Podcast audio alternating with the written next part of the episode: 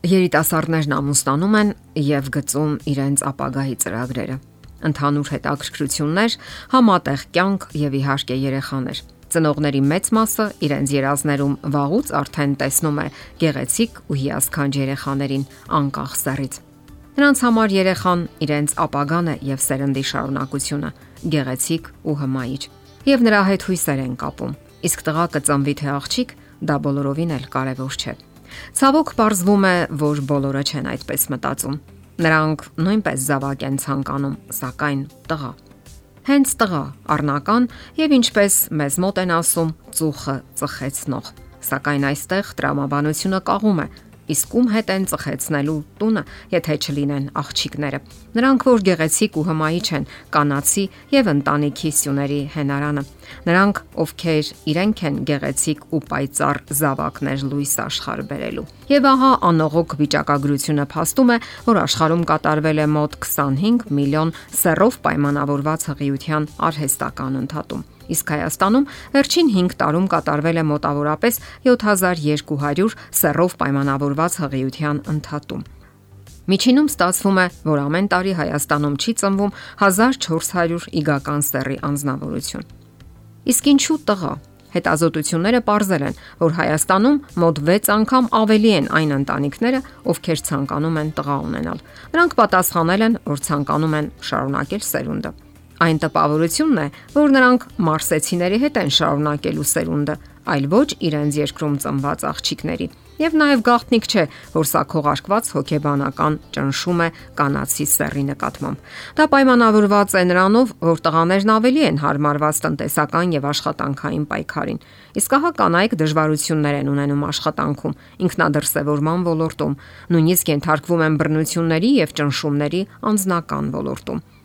Նշվում է նաև այն պահը, որ կանանց միայն փոքր տոկոսն է նախահարցակ լինում այդ քայլին։ Մնացած դեպքերում կնոջ վրա հոգեբանական, եթե ոչ ֆիզիկական ճնշում է գործադրվում։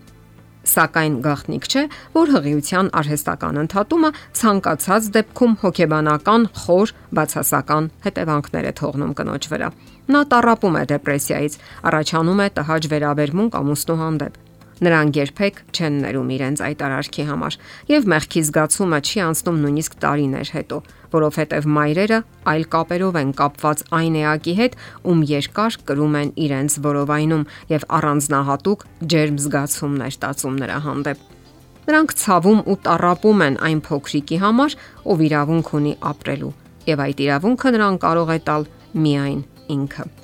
Շատ կարևոր է բացատրական աշխատանքներ տանել բնակչության շրջանում, պայքարել կարծրատիպերի դեմ եւ պետք չէ մտածել, որ տղաներն են հետագայում պահելու իրենց տարեց ծնողներին։ Պարզվում է, որ ծերանոցներում գտնվողների մեծ մասը տղա երեխաներ ունի, իսկ ահա շատ աղջիկներ անվերապահորեն ընդունում են իրենց ծնողներին եւ պահում նույնիսկ սեփական ընտանիքներում։ Անհրաժեշտ է հասկանալ այն կարևոր ճշմարտությունը, որ նշանակություն ունի երեխայի սեռը Դա պարզապես հնի մնացուկ է եւ խտրական վերաբերմունք աղջիկների ու կանանց հանդեպ։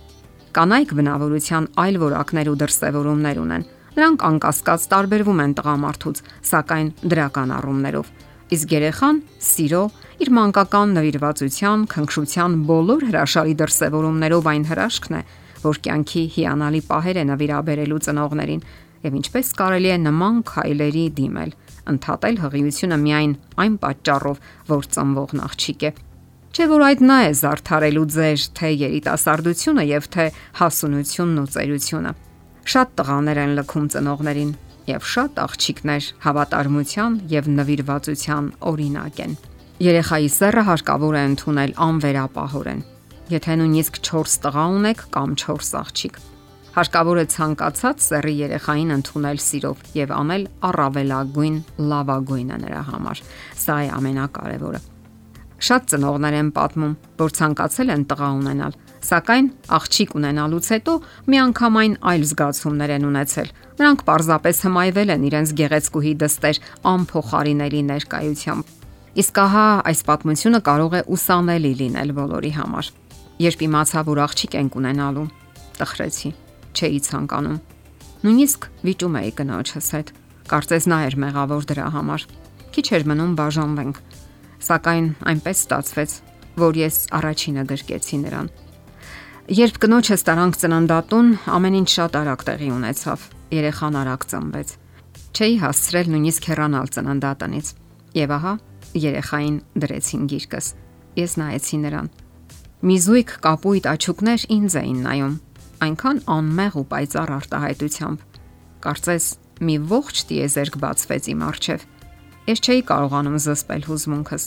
եւ մեղավորության զգացումս։ Ես 40-ամյա տղամարդս կանգնել էի հիվանդանոցի միջանցքում եւ արտասվում էի։ Ես հայր էի դարձել եւ այն էլ այսպիսի հրաշք բալիկի։ Դե ինչ, երեխան հայտնվել է։ Նրան ընդունեք գրկաբաց եւ սիրեք այնպիսին, ինչպիսին կա։ Սա է կարևորը։ Եթերում է ընտանիք հաղորդաշարը։ Ձեզ հետ է Գեղեցիկ Մարտիրոսյանը։